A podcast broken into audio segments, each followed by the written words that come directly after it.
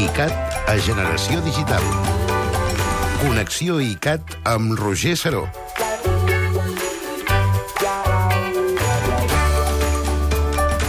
Roger Saró, guanyador de l'Endevinap. Uh, bona tarda altre Sí, cop. bé, bé, perquè soc més de mots encreuats i en, em venia més per aquí. Però vosaltres en coneixeu més de, de noms saps que jo. Sí, sí, sí. Escolta'm, uh, no sé si uh, avui uh, començarem amb música o no començarem. amb música, i concretament música contundent i baleàrica.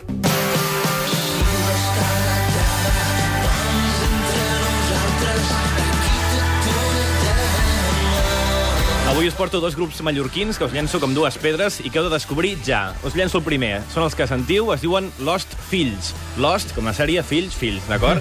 Han publicat ja un parell de discos. L'últim és d'aquest mateix any, que es diu Molt Bro, molt de molt, Bro de Brother, d'acord? És el títol. Molt bé. I us els punxo perquè aquests dies ha començat a sonar a iCat.cat una cançó seva que es diu Alota Silver. Alota d'Alota, Silver, mm, explica més, no? Doncs els Lost Fills són només dos, aquest grup, són guitarra i bateria. És a dir, aquí no hi ha ni teclat ni baix que valgui. Uh, que dur, no? Guitarra, bateria, directe, el cantant i guitarra és Pep Toni Ferrer, que potser el coneixereu millor perquè és el cantant d'Oliva Trencada. Mm -hmm. Aquest grup potser us sona més, han vingut ja un fotimer de vegades. Cada estiu, no és estiu, si no vas a veure els Oliva Trencada, doncs a banda de, de cantar en aquest grup, també canten aquest altre projecte, Lost Fills, el projecte de paral·lel que el bateria és Joan Cabot, que més ell és periodista, eh? són mallorquins, un músic, l'altre és músic periodista, i té una web cultural que ara aprofito per posar-la pel mig, que es diu 40putes.com, eh, de cultura, Cultura, indie. cultura, eh? Sí, sí, sí. De fet, el nom, si algú ara que escolta Catalunya Ràdio s'ha com exaltat, que sàpiga que és una anècdota de Jaume I. Vull dir, que no estava en el terreny del malparlat, sinó mm -hmm. en el terreny de la consciència històrica. Molt bé. Una història que Jaume I va portar, doncs, bé, 40 putes, els van beneir. Això va passar de veritat, eh, mentre conquerien la illa. Bé, doncs d'allà són Los Fills, 40 putes, és una web que mola, hi ha molta articles de música indie i tal, però el grup que tenen, Lost Fills, en Joan i en Pep Toni, és molt interessant i té cançons com aquesta a Lota Silver. L'altre grup que ara heu de descobrir. Sempre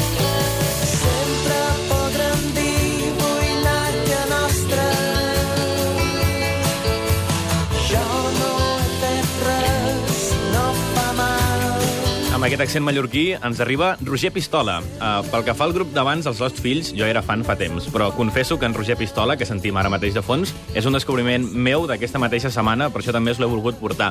És un cantautor mallorquí, uh, acaba d'autopublicar el seu primer disc, està sencer al seu bancamp, si el voleu escoltar, busqueu Roger Pistola, i el títol del disc és Perdó, però. Aquest és el títol poètic. Perdó, però. Un grup rocker minimalista, eh, amb lletres bastant interessants, i tot i autopublicar-se al Bandcamp, aquesta cançó que sentiu també sona a icat.cat, ha entrat Molt bé. aquesta setmana. Molt es diu bé. Com me'n record. I aquesta i Alata Silver la les podeu sentir ja a la selecció musical d'icat.cat a partir de ja. Doncs parlem de cinema ara perquè parlem de noves tecnologies aplicades a la llibertat creativa absoluta. Uh -huh. Ens has de dir dos noms. Sí, un, el del director de cinema Carlo Padial, i l'altre, el de l'humorista Miguel Noguera. Noguera. Pero a ver, o sea, un taller literario es, es que es un fraude en sí mismo. O sea, es, es, un, es una cosa que se monta para gente que está hecha polvo. Y están ahí pues enfermos y confunden la enfermedad con, con el impulso literario y Taller es literario. muy cínico ir allí a aprovecharse, ¿no? Y es, es un intercambio Dinero, panoji, sucio, dinero. al fin y al cabo. Montarás el taller. Mira, la gente que da, que da esos talleres no son escritores. Igual intentaron en algún momento escribir, pero lo Eres fracasaron y entonces es cuando se meten a dar los putos talleres y al fin y al cabo lo que quieren es follar, que es lo que les queda, follarse a alguna, alguna chica El joven. que sentim de fons és un fragment d'una pel·lícula que heu de veure, es diu Taller Caputxoc, una pel·li que aquests dies a la xarxa ha fet molt de soroll, i si no us ha arribat el soroll ja us Sí, el sí. faig arribar jo, que val la pena. Miguel Noguera, aquest humorista que tots coneixeu, a no tothom li agrada, eh? no sé si Gina, eh, eh, Eli, n'hem parlat algunes vegades. El coneixem, el Com va treure coneixem. llibre, jo sóc molt fan,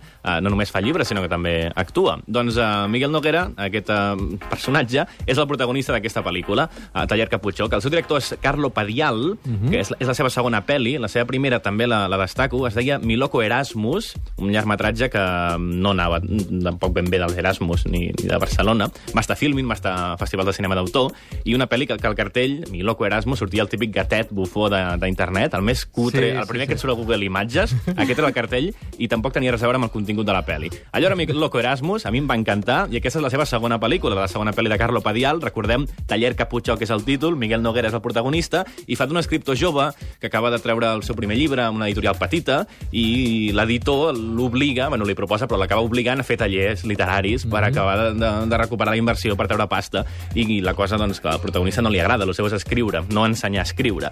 Doncs el que passa és que el director, el Carlo Padial, això li va passar. Ha escrit diversos llibres i també el, el van arribar a forçar a donar tallers, que és una cosa que a ell no li agradava. Doncs l'hem entrevistat als experts aquesta setmana i ens explicava això, que aquesta pel·lícula Taller Caputxoc està inspirada en uns fets que ell li van passar a la seva vida. I bàsicament és, és intentar reflectir el, el, els anys que més o menys m'he passat jo, que a banda de fer això també he publicat dos llibres i de les experiències que, que, que he viscut. I la major part eren molt estranyes. Bueno, per una, una era que, que tothom m'oferia fer classes, per exemple. I em va, em va estranyar molt que amb el primer llibre no ho van fer, però amb el segon em van començar a dir, bueno, ahora ya puedes empezar a dar clases. I era com una cosa com, bueno, no, no esperarás ganarte la vida con, con el libro, però puedes montar talleres o puedes tal qual. I a mi em sembla profundament obsè el concepte, perquè jo no tinc res a ensenyar i em sembla molt deshonest. I em va semblar tan taxatiu i em va semblar tan, tan bèstia, tan exagerat, que em va donar peu a, a imaginar-me com seria aquesta situació per a mi, que seria horrible. I vaig començar a pensar que si donés aquest pas de forma totalment professional, la meva vida s'enfonsaria, però com sempre s'en- s'enfonsaria d'una forma molt abstracta. O sea, la verdad es que no creo que... Es que no, es que no tengo muy claro que, que pueda hacerlo esto, porque el taller me refiero que... ¿Cómo que no? No. No te preocupes, que todo irá bien, ¿no? De- Ya. Los talleres literarios son una de las principales subindustrias del sector literario. Que digo literario, cultural de este país. Además, tú tienes completamente por la mano tu papel. ¿Qué papel? ¿Pero qué dice? No, sé, que, que- que es un título. Ok, mira, tienes tres alumnos.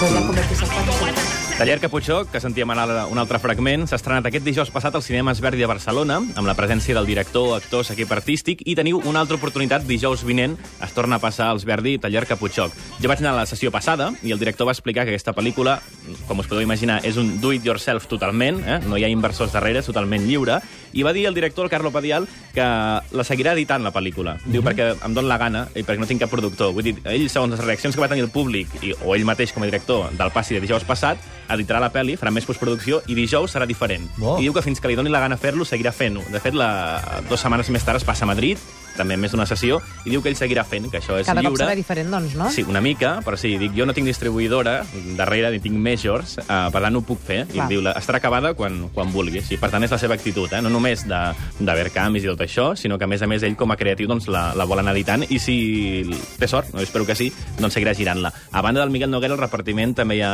com a actor secundari Xavi Daura, és un dels dos Vengamonjas, també aquest duet humorístic que ha triomfat a YouTube, a I internet, tant, sí. i el cartell, si us interessa el dibuix, el cartell l'ha fet Joan Cornellà, que és el dibuixant de Mox Nox, un dels còmics bomba d'aquest any, que de fet eh, només al Facebook té 500.000 seguidors. És potser el català, que no és futbolista, que té tants seguidors al Facebook. Déu-n'hi-do. Joan Cornellà, que també val la pena. Per cert, quan vas anar-hi, eh, vam veure aquest cartell perquè va ser tu qui vas fer la fotografia a l'Instagram? Com ho saps, que vaig ser jo? Home, perquè ho segueixo. No, perquè hi havia més indicat entre el públic. Ah, sí? Sí, però sí, Ah, vaig ser jo. Vaig, ser jo. vaig, vaig pensar, val la pena. Seguiu a l'Instagram d'ICAT, que val la pena també, icat.cat, i anem penjant moments de la vida, com, com aquest. Doncs- Saps on penjarem també moltes fotos? A l'Instagram d'ICAT. A on? El cap de setmana vinent. Ah, sonat, no? I tant.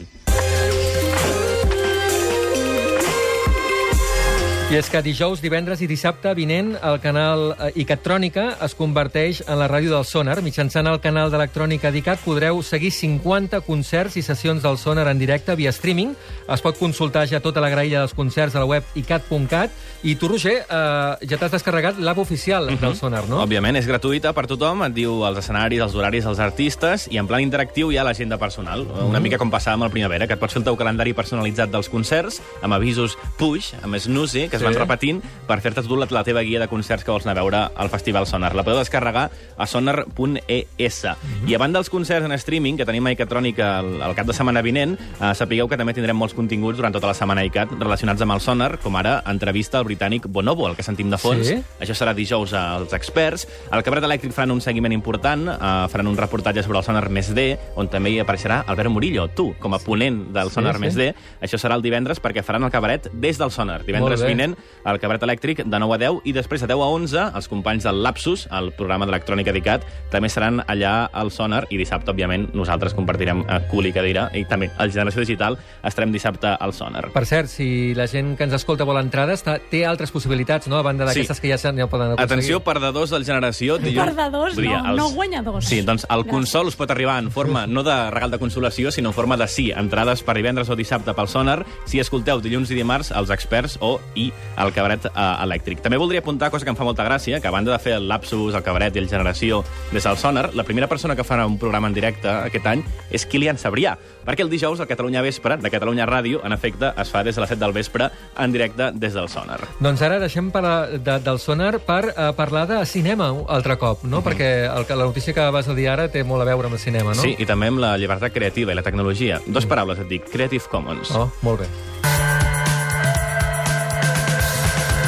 El Festival Barcelona Creative Commons Film Festival s'està celebrant ara mateix. De fet, va Sí. començar dijous passat, s'acaba demà diumenge, per tant, entreu ja a bccn.cc, això és l'extensió, .cc, per veure tota la informació d'aquest Festival de Cinema Creative Commons que s'està celebrant a l'Auditori del MACBA. Teniu temps fins demà per anar a projeccions, a tallers i a xerrades sobre el Creative Commons aplicats al cinema. Uh, des de part nostra hem aprofitat per parlar amb el director del Creative Commons, aquest Festival de Cinema Lliure. Ell és l'Andreu Meixide i amb ell hem aprofitat per aclarir els conceptes. Què vol dir llicència lliure? Uh, doncs el que vol dir, uh, ens ha aclarit, és que la ciutadania ja paguem per la cultura, per tant, aquest lliure no és free, gratis, no és lliure d'accedir uh, lliurement a la cultura amb igualtat, uh, una, una cultura amb circulació lliure. tancar un altre tòpic, evidentment, relacionat amb aquests prejudicis que dius amb les llicències lliures, per exemple, que, que és molt habitual. I portem, nosaltres portem 5 anys fent el festival i 5 anys que hem de dir sempre el mateix, que Creative Commons no vol dir gratuït, tot, vol dir lliure, que és diferent. És una confusió que ve de l'anglès del free, que utilitzen aquesta paraula per els dos termes. I lliure vol dir que hem de buscar sistemes d'autogestió o autosuficiència, millor dit, econòmics, que permetin que aquella pel·lícula, aquell coneixement, aquella petita part de cultura eh, arribi a la ciutadania lliurement. És a dir, la ciutadania no té per què costejar de nou, una altra vegada, l'accés a la cultura. Eren les paraules d'Andreu Meixide, el director del Festival de Cinema Creative Commons, que recordeu, fins demà a la tarda encara podeu anar a l'auditori del MACBA a veure aquestes projeccions. Jo en destaco una, una que es diu a Ciutat eh, Corrupta, sobre un cas de, de corrupció policial a Barcelona fa uns anys, que va guanyar, per cert, el, el Festival de Màlaga, el millor documental. Doncs aquesta tarda a les 7, a l'auditori del MACBA, dintre del marc del Festival de Cinema Creative Commons. Gràcies, Roger.